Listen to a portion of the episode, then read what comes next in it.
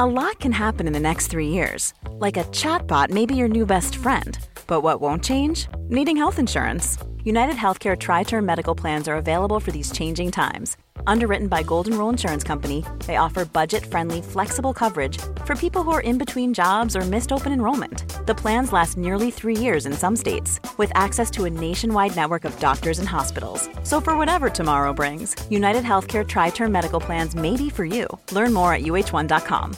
Hey, I'm Ryan Reynolds. At Mint Mobile, we like to do the opposite of what Big Wireless does. They charge you a lot, we charge you a little. So naturally, when they announced they'd be raising their prices due to inflation, we decided to deflate our prices due to not hating you. That's right. We're cutting the price of Mint Unlimited from $30 a month to just $15 a month. Give it a try at mintmobile.com slash switch. $45 upfront for three months plus taxes and fees. Promo for new customers for limited time. Unlimited more than 40 gigabytes per month. Slows. Full terms at mintmobile.com. Burrow is a furniture company known for timeless design and thoughtful construction and free shipping. And that extends to their outdoor collection. Their outdoor furniture is built to withstand the elements, featuring rust-proof stainless steel hardware, weather-ready teak, and quick-dry foam cushions. For Memorial Day, get 15% off your Burrow purchase at burrow.com slash ACAST and up to 25% off outdoor. That's up to 25% off outdoor furniture at burrow.com slash ACAST. Strax efter julfirandet år 1992 så var 23-årige Stephen Clark ute på promenad med sin mamma Doris i närheten av Saltburn längs med kusten i norra Yorkshire i England. Vid ett tillfälle stannade de till vid en offentlig toalett och Steven gick in på herrtoan, tätt följd av Doris som istället slank in på damtoan. Efter just det här ögonblicket försvann Steven spårlöst och har aldrig någonsin återvänt hem igen. Ungefär 28 år senare skulle fallet plötsligt vakna till liv igen när två personer greps av polisen misstänkta för att ha mördat Steven. Ett gripande som chockade hela samhället och skapade kontroversiella rubriker och diskussioner i media under en lång tid framöver.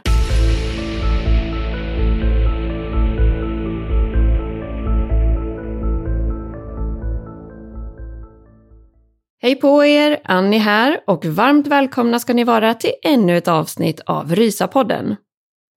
Och den här veckan så kan jag redan nu varna för att vi kommer att gå igenom ett fall där det återigen finns betydligt fler frågor än svar. Och när jag kikade runt för att hitta ett nytt fall att skriva om så råkade jag läsa en rubrik om det här fallet som löd så här. Stephen Clark steps into a public restroom and is never seen again. Så redan där kände jag att det här måste kikas vidare på. Och det är verkligen ett mysterium i sin rätta bemärkelse.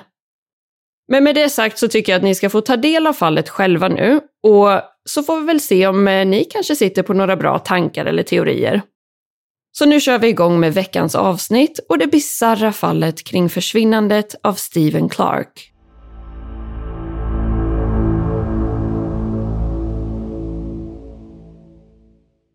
Stephen Clark föddes i augusti 1969 i staden Colchester som ligger i Essex i sydöstra England. Han växte sedan upp tillsammans med sin yngre syster Victoria och sina föräldrar Charles och Doris som båda två arbetade inom polisen. Det skilde bara 14 månader mellan Stephen och Victoria i ålder och syskonen hade en väldigt nära relation till varandra från att de var barn och ända upp i vuxen ålder. När Steven var runt två år gammal så var han med om en fruktansvärd olycka, vilket sen påverkade honom under resten av hans liv. Vid tidpunkten för olyckan bodde familjen i en liten stad i Skottland. En dag gick mamma Doris ut för att handla och märkte då inte att Steven också lämnade bostaden och började följa efter henne. Och det framgår inte riktigt om det var pappa Charles eller någon annan som var hemma med Steven när Doris lämnade bostaden, men på ett eller annat sätt så lyckades han i alla fall smyga ut obemärkt. När Doris sen var på väg till butiken hörde hon plötsligt en massa skrikande och ropande bakom sig. När hon sen vände sig om insåg hon att Steven hade följt efter henne och lyckats ta sig ut på vägen och att han nu hade blivit påkörd av en lastbil.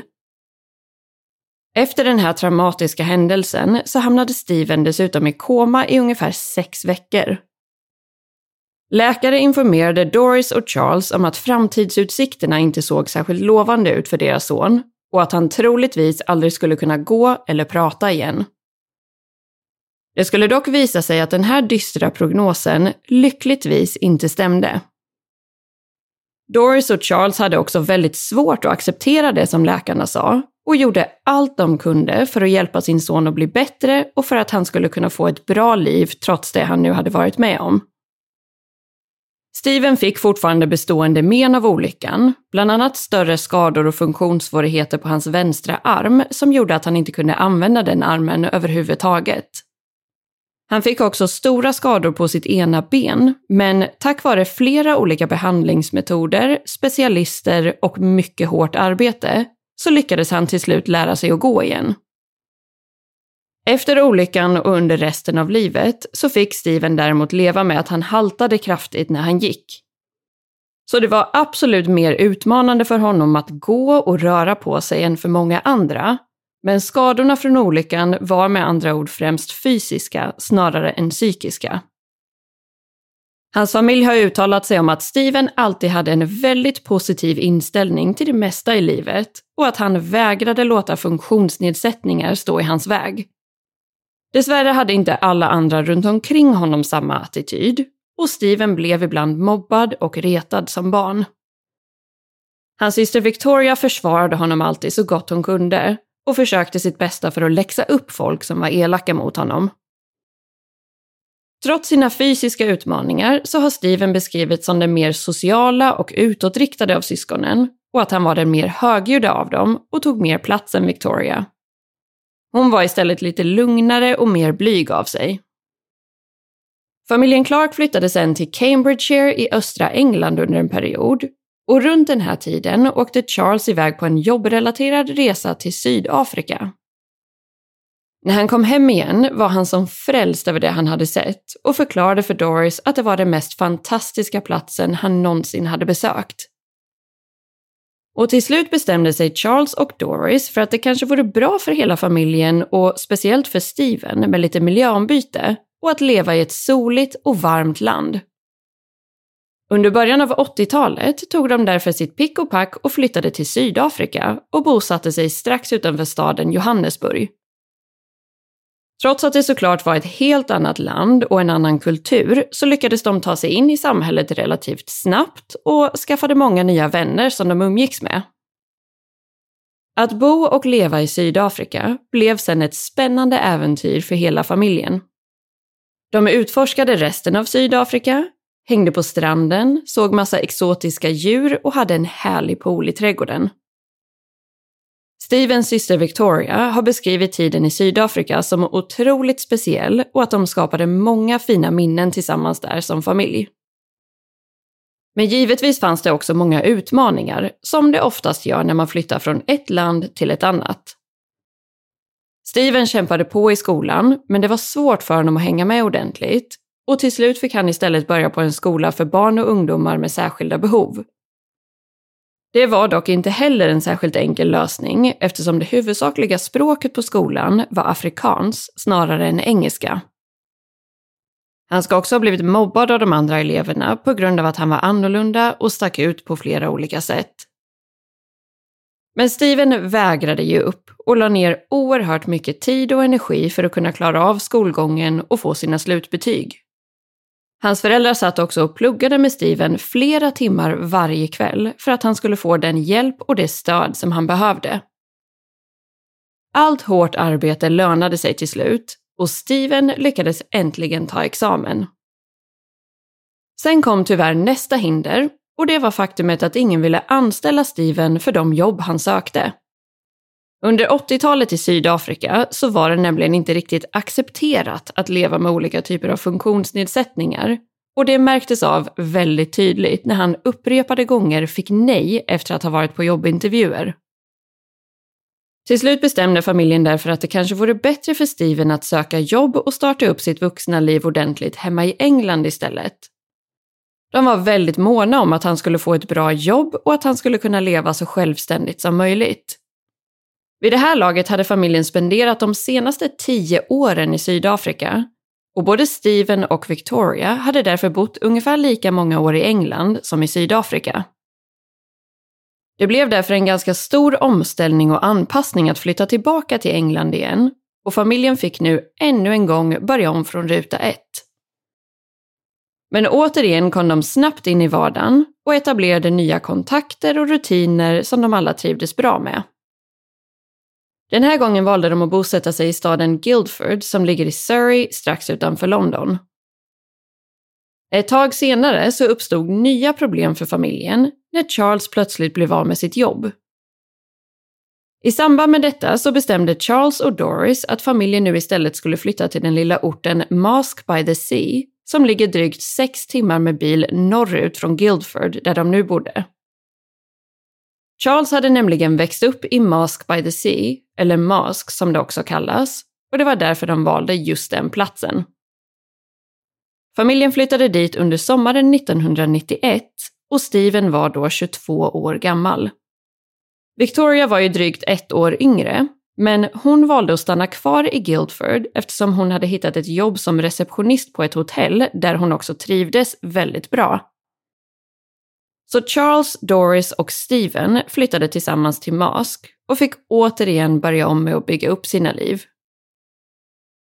Steven och Victoria hade ju fortfarande en väldigt nära relation till varandra och trots att de nu hade ett stort avstånd mellan sig så höll de fortfarande kontakten bäst de kunde, bland annat genom att regelbundet ringa varandra och skriva brev. Steven fortsatte prestera på en hög nivå i sina fortsatta studier och i de jobb han lyckades få. Han hade ett stort driv och en imponerande arbetsmoral och Steven var dessutom medlem i organisationen Rathbun Society i den närliggande staden Redcar. Det här var en organisation som ägnade sig åt att hjälpa personer med olika typer av funktionsnedsättningar att komma in på arbetsmarknaden och få jobb. Hans dedikerade arbete där resulterade senare också i att han blev tilldelad ett ärofyllt pris som skulle kunna beskrivas som Årets lärling eller Årets elev. Steven hade också lyckats hitta flera nya vänner och ska ha varit väldigt social och omtyckt bland folk i sin omgivning. Sen har vi då slutligen kommit fram till julen år 1992. Steven var nu 23 år gammal och verkade trivas bra med tillvaron. Han hade till och med börjat träffa en tjej, även om det inte hade hunnit bli något seriöst förhållande. Hela familjen Clark spenderade sedan julen tillsammans och hade en lugn och skön ledighet. Efter julfirandet reste Victoria tillbaka till Guildford igen för att börja jobba, medan Steven och föräldrarna fortsatte att ta det lugnt hemma i Mask. Under måndagen den 28 december så hade pappa Charles planerat att gå på en fotbollsmatch han var en stor supporter och fan av fotbollslaget Middlesbrough och hade även bjudit med Steven på matchen. Charles hade dock varit tydlig med att han i så fall fick lov att köpa sin egen biljett den här gången och Steven ska då ha valt att strunta i matchen eftersom hans favoritlag var Arsenal och att det därför inte kändes värt pengarna. Och faktumet att Charles sa åt Steven att han fick betala sin egen biljett har blivit ganska så omdiskuterat och folk har undrat varför han sa så och om det egentligen var så att han helt enkelt inte ville att Steven skulle följa med just den här dagen. Men i slutändan så var ju Steven faktiskt 23 år gammal och det är ju fullt rimligt att man som förälder vill lära sina barn värdet av pengar och därför inte bjuda på varenda liten grej man går på. Och speciellt inte när de faktiskt har börjat tjäna egna pengar. Men Steven valde i alla fall att stanna hemma tillsammans med sin mamma Doris under just den här måndagen den 28 december. Under eftermiddagen bestämde de sig för att gå ut på en lång promenad längs med stranden från Mask by the Sea upp till staden Saltburn. En promenad som de hade tagit tillsammans många gånger tidigare. Vid något tillfälle under promenaden så sa Steven att han behövde gå på toa och de stannade därför till vid en offentlig toalett i närheten av piren längs med stranden vid Saltburn. Därefter såg Doris Steven gå in på herrtoan och hon ska då även ha noterat två män i sällskap med en ung flicka vid toaletterna. Hon ska sedan ha tänkt att hon kanske också borde passa på att gå på toa medan de ändå var där och slank därefter in på damtoan. När hon väl kom ut igen så kunde hon däremot inte hitta Steven och hon stod därför kvar och väntade ett bra tag. Hon vet inte exakt hur länge hon väntade, men till slut ska Doris ha tänkt att Steven helt enkelt måste ha lämnat toaletterna och börjat gå hemåt i förväg. Hon började därför också vandra hemåt igen och utgick ifrån att Steven redan skulle vara hemma när hon väl kom fram. Ett antagande som dessvärre skulle visa sig vara felaktigt.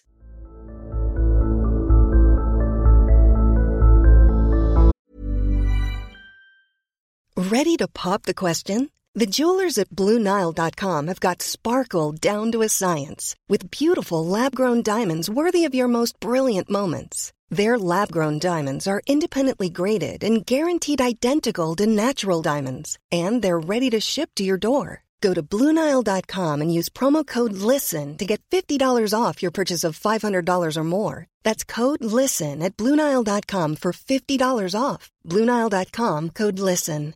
Cool fact a crocodile can't stick out its tongue. Also, you can get health insurance for a month or just under a year in some states. United Healthcare short term insurance plans, underwritten by Golden Rule Insurance Company, offer flexible, budget friendly coverage for you. Learn more at uh1.com. Millions of people have lost weight with personalized plans from Noom, like Evan, who can't stand salads and still lost 50 pounds. Salads, generally, for most people, are the easy button, right? For me, that wasn't an option. I never really was a salad guy. That's just not who I am. But Noom worked for me. Get your personalized plan today at Noom.com. Real Noom user compensated to provide their story. In four weeks, the typical Noom user can expect to lose one to two pounds per week. Individual results may vary.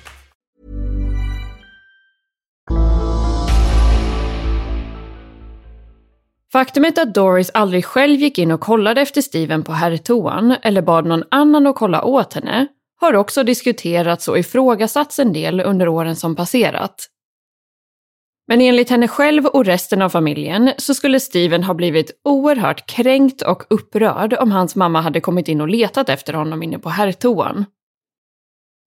Han var en vuxen man som alltid hade fått kämpa lite extra med sin självständighet på grund av sin funktionsnedsättning och hade inte alls uppskattat den typen av behandling och daltande.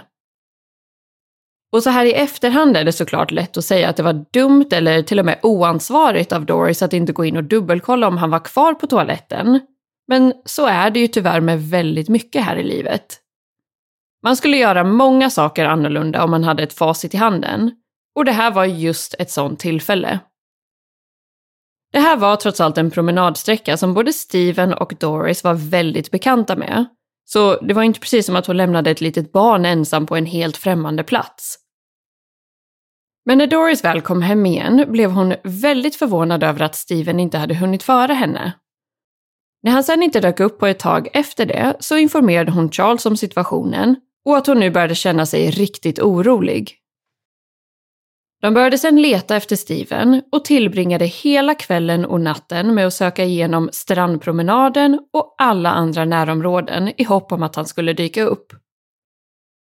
När Doris och Charles kontaktade polisen fick de till svar att Steven var vuxen och att de tyvärr inte kunde göra någonting förrän 24 timmar hade passerat. Först då kunde han anmälas som försvunnen.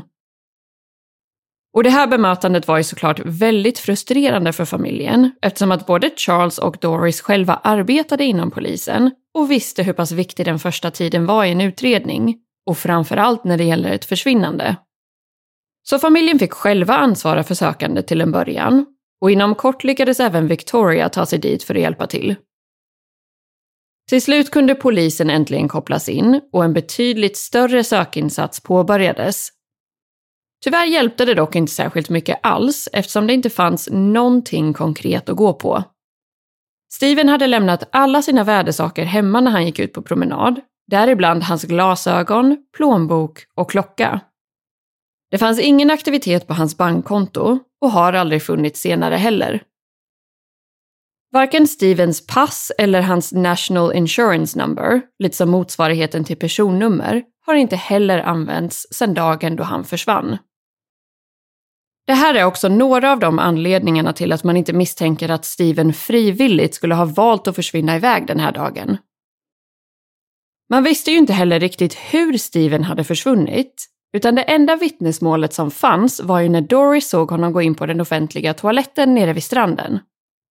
Så det var väldigt svårt att veta om Steven hade lämnat platsen innan Doris hade hunnit komma ut från sitt toalettbesök, eller om han faktiskt hade varit kvar där inne när hon till slut hade gett upp och börjat vandra hemåt igen. Eller hade han kanske kommit ut från toan och då inte hittat Doris och själv bestämt sig för att börja gå hemåt eftersom han trodde att hon redan hade lämnat platsen? Hade han kanske träffat på någon inne på toan eller råkat ut för någonting där inne och därefter kommit ut långt senare? Och i sånt fall, vart tog han vägen sen? Råkade han ut för ett brott eller en olycka i samband med att han var på väg hemåt igen? Och varför fanns det inga vittnen som hade sett honom just vid tidpunkten för försvinnandet eller strax därefter? Jag har faktiskt inte lyckats hitta någon vidare information gällande om polisen undersökte de offentliga toaletterna och om de letade efter exempelvis Stevens blod eller DNA där inne. Men man får väl utgå ifrån att de gjorde det och utifrån att det inte finns någon information om saken så lär det ju kanske inte ha funnits något som stack ut eller kändes misstänksamt där inne. Tiden passerade efter Stevens försvinnande och det fanns inga som helst spår av honom. På många sätt verkade det som att han måste ha lämnat området, men det fanns inte heller några bevis som tydde på att han skulle ha åkt varken buss, tåg eller taxi därifrån. En teori var också att han kanske kunde ha råkat ut för en olycka nere vid stranden och eventuellt drunknat i det kalla vattnet. Men hans kropp har aldrig dykt upp och det finns inga tecken som tyder på att det skulle ha varit så det gick till. Till slut tvingades resten av familjen inse att han troligtvis aldrig skulle komma hem igen och blev helt enkelt tvungna att försöka återgå till sina vanliga liv igen. Men ett helt nytt liv utan Steven. Under åren som passerade så gjorde både polisen och Stevens anhöriga allt man kunde för att hålla fallet vid liv och att samla in fler vittnesmål. Det skrevs mycket om fallet i olika tidningar och information om Stevens försvinnande delades bland annat på tv flera gånger. Men till slut blev det oundvikligen så att fallet hamnade mer och mer i skymundan för varje dag som passerade. Andra händelser och fall fick mer uppmärksamhet och Stevens försvinnande började till slut blekna bland allmänheten. Minnena och smärtan av hans plötsliga försvinnande skulle dock aldrig blekna för hans familj och vänner som tvingades leva med alla dessa obesvarade frågor. När drygt 28 år hade passerat så hände någonting stort och avgörande i fallet. För i september år 2020, det vill säga mitt under coronapandemin, så bestämde sig polisen för att gripa två personer misstänkta för det antagna mordet på Stephen Clark. Och de här två personerna var inga mindre än hans egna föräldrar, Doris och Charles, som nu var i 80-årsåldern. Gripandet kom som en total chock för dem själva, för Victoria och för alla andra i deras omgivning.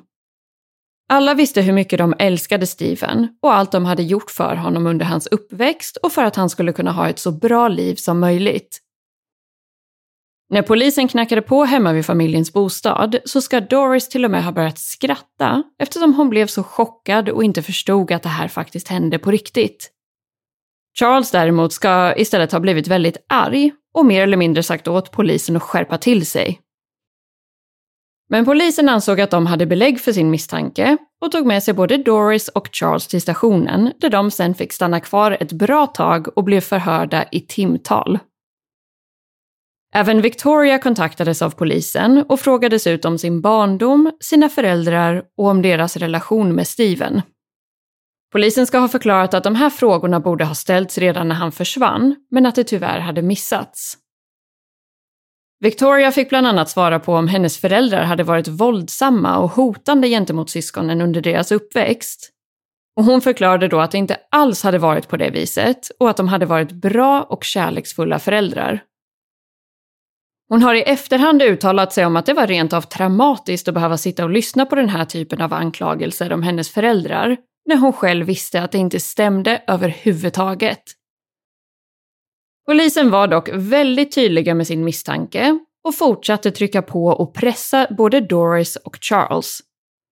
De ska till och med ha försökt vända dem mot varandra för att försöka locka fram någon form av erkännande. Något polisen däremot inte var så sugna på var att berätta varifrån den här misstanken kom och varför de helt plötsligt greps nu, drygt 28 år senare.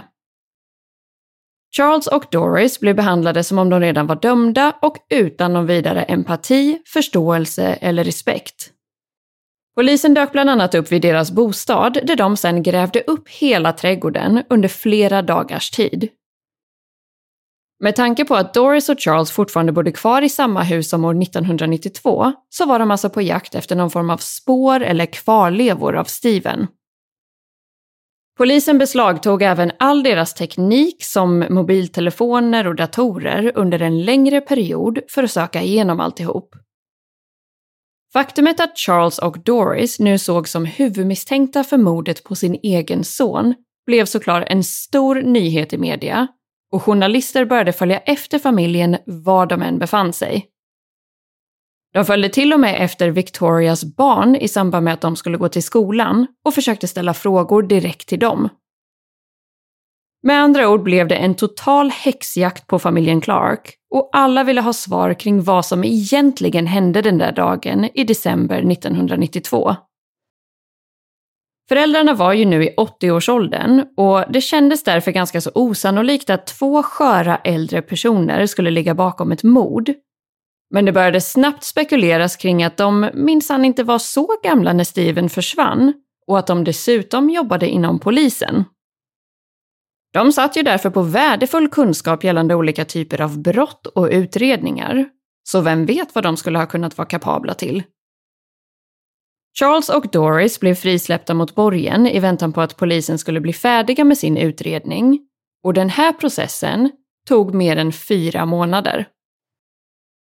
Därefter återkom polisen och sa att de inte kunde hitta några konkreta bevis för att varken Doris eller Charles skulle ha varit inblandade i Stevens försvinnande och att de inte längre sågs som misstänkta i utredningen. Det här blev såklart en enorm lättnad för dem. Men dessvärre hade ju media redan hunnit rapportera om misstanken och alla de fruktansvärda rubrikerna och Google-resultaten om att de skulle ha mördat Steven skulle såklart finnas kvar för all framtid. Familjen Clarks tilltro till rättsväsendet och polisen i Storbritannien är numera obefintligt och de har uttalat sig om att de kommer att vidta rättsliga åtgärder kring det här ärendet och framförallt hur pass illa de blev behandlade. Sen är det ju såklart värt att poängtera att det givetvis är bra att polisen utreder den närmaste familjen eftersom att det tyvärr ofta kan finnas en direkt koppling till anhöriga när en person försvinner på det här sättet. Men kritiken och besvikelsen handlar framförallt om hur de blev bemötta och att de behandlade Charles och Doris som hänsynslösa mördare redan från att de knackade på dörren i samband med gripandet. Detta utan att ens erbjuda en tydlig förklaring till varför de helt plötsligt blev behandlade på det här sättet. Det visade sig också att misstanken gentemot Doris och Charles troligtvis grundade sig i ett anonymt brev som kom in till polisen år 1999, det vill säga sju år efter Stevens försvinnande. Det här brevet hölls sedan hemligt av polisen under väldigt många år. Men det har senare kommit ut information om att avsändaren till brevet hävdade att Doris och Charles skulle vara ansvariga för Stevens död. Däremot är det väldigt oklart varför det sen dröjde ända fram till år 2020 innan man gjorde någonting åt saken. Och hur ett enda anonymt brev kunde vara tillräckligt konkret bevis för att kunna gripa Doris och Charles och att vända upp och ner på hela deras hus, trädgård och framförallt deras privatliv. Ett par månader efter att de greps av polisen så trädde den anonyma avsändaren fram och gav sig till känna för polisen. Det här var alltså drygt 20 år efter att brevet hade skrivits. Det visade sig då att personen i fråga inte hade någon som helst personlig koppling till familjen Clark och att det inte fanns några egentliga grunder eller bevis för anklagelsen om att Doris och Charles skulle ha mördat Steven. En annan detalj som har kritiserats en del är faktumet att brevet också hade varit adresserat till fel polisstation. Av den anledningen kanske polisen borde ha funderat över hur pass seriös personen var för om man nu anser sig sitta på viktig eller avgörande information och är mån om att den ska komma fram, då kan man väl kanske åtminstone dubbelkolla att det blir rätt station och avdelning som tar emot brevet. Så om det nu var det här brevet som var den huvudsakliga anledningen till gripandet av Doris och Charles, så är det såklart lite chockerande och framförallt väldigt tragiskt eftersom att de dessutom förstörde familjen Clarks rykte på kuppen och orsakade ännu mer lidande än allt de redan tvingats gå igenom i samband med själva försvinnandet. Men polisen i regionen Cleveland som har hand om Stevens försvinnande och antagna mord säger att de fortfarande utreder fallet och att alla som tror sig veta någonting bör höra av sig. Även familjen Clark fortsätter vädja till allmänheten om att man ska höra av sig. Även om man sitter på någon väldigt liten information som för en själv kanske känns ganska irrelevant eller oviktig. För ibland kan det ju vara en så pass liten detalj som är just den avgörande pusselbiten som behövs för att ett fall ska kunna lösas. Slutligen så tänkte jag bara också passa på att nämna lite snabbt att det finns några vittnen som påstår sig ha sett Steven efter hans försvinnande den 28 december 1992. Tre dagar efter försvinnandet ska en kvinna ha sett Steven i Saltburn i närheten av platsen han försvann ifrån. Det här ska dessutom ha varit en kvinna som kände familjen Clark och även om man inte med säkerhet har kunnat bekräfta att det faktiskt var Steven så ansågs det vara ett intressant vittnesmål. Steven hade ju också en ganska unik gångstil på grund av att han haltade på ena benet och det gör såklart att det känns ännu mer troligt att hon kanske borde ha kunnat avgöra om det var Steven eller inte. En annan vän till familjen hörde också av sig till polisen och sa att han hade sett Steven i den närliggande staden Redcar en tid efter försvinnandet. Den här familjevännen ska först ha sagt att han till och med hade pratat med Steven, men ska vid ett senare tillfälle ha förklarat för polisen att han bara hade sett personen på avstånd. Och trots att personen såg ut och gick som Steven, så var det inte helt säkert att det faktiskt var han. Så hela det här vittnesmålet är därför lite rörigt och otydligt kan man väl säga.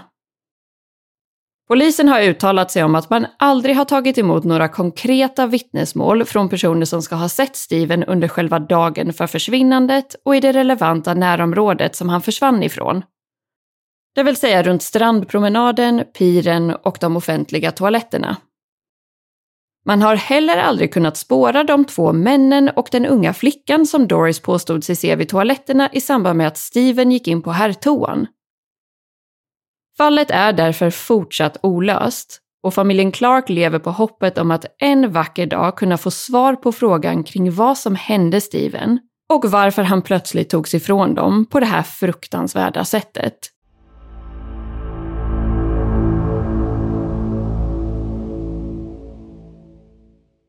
Mm, det här är ju återigen ett fall där man tänker att det måste finnas en fullt rimlig och logisk förklaring, men att det tyvärr inte verkar göra det.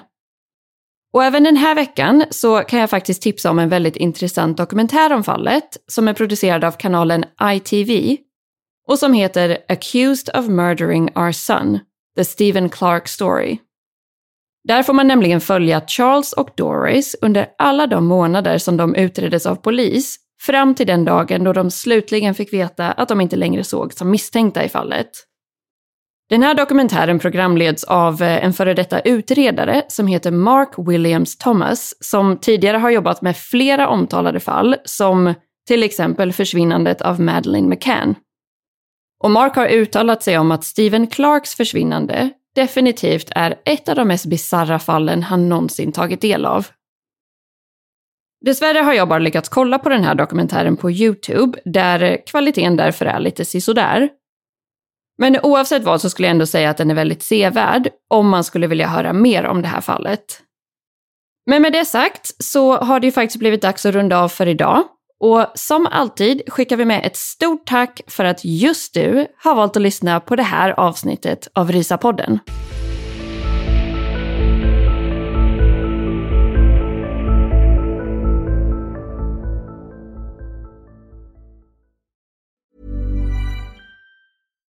Why don't more infant formula companies use organic, grass fed whole milk instead of skim? Why don't more infant formula companies use the latest breast milk science? Why don't more infant formula companies run their own clinical trials? Why don't more infant formula companies use more of the proteins found in breast milk? Why don't more infant formula companies have their own factories instead of outsourcing their manufacturing? We wondered the same thing. So we made ByHeart, a better formula for formula. Learn more at byheart.com. Hey, it's Danny Pellegrino from Everything Iconic. Ready to upgrade your style game without blowing your budget? Check out Quince. They've got all the good stuff shirts and polos, activewear, and fine leather goods, all at 50 to 80% less than other high end brands. And the best part? They're all about safe, ethical, and responsible manufacturing. Get that luxury vibe without the luxury price tag. Hit up quince.com slash upgrade for free shipping and 365 day returns on your next order. That's quince.com slash upgrade. Planning for your next trip? Elevate your travel style with Quince. Quince has all the jet setting essentials you'll want for your next getaway, like European linen, premium luggage options, buttery soft Italian leather bags, and so much more. And is all priced at 50 to 80% less than similar brands. Plus, Quince only works with factories that use safe and ethical manufacturing practices. Pack your bags with high-quality essentials you'll be wearing for vacations to come with Quince. Go to quince.com/pack for free shipping and 365-day returns.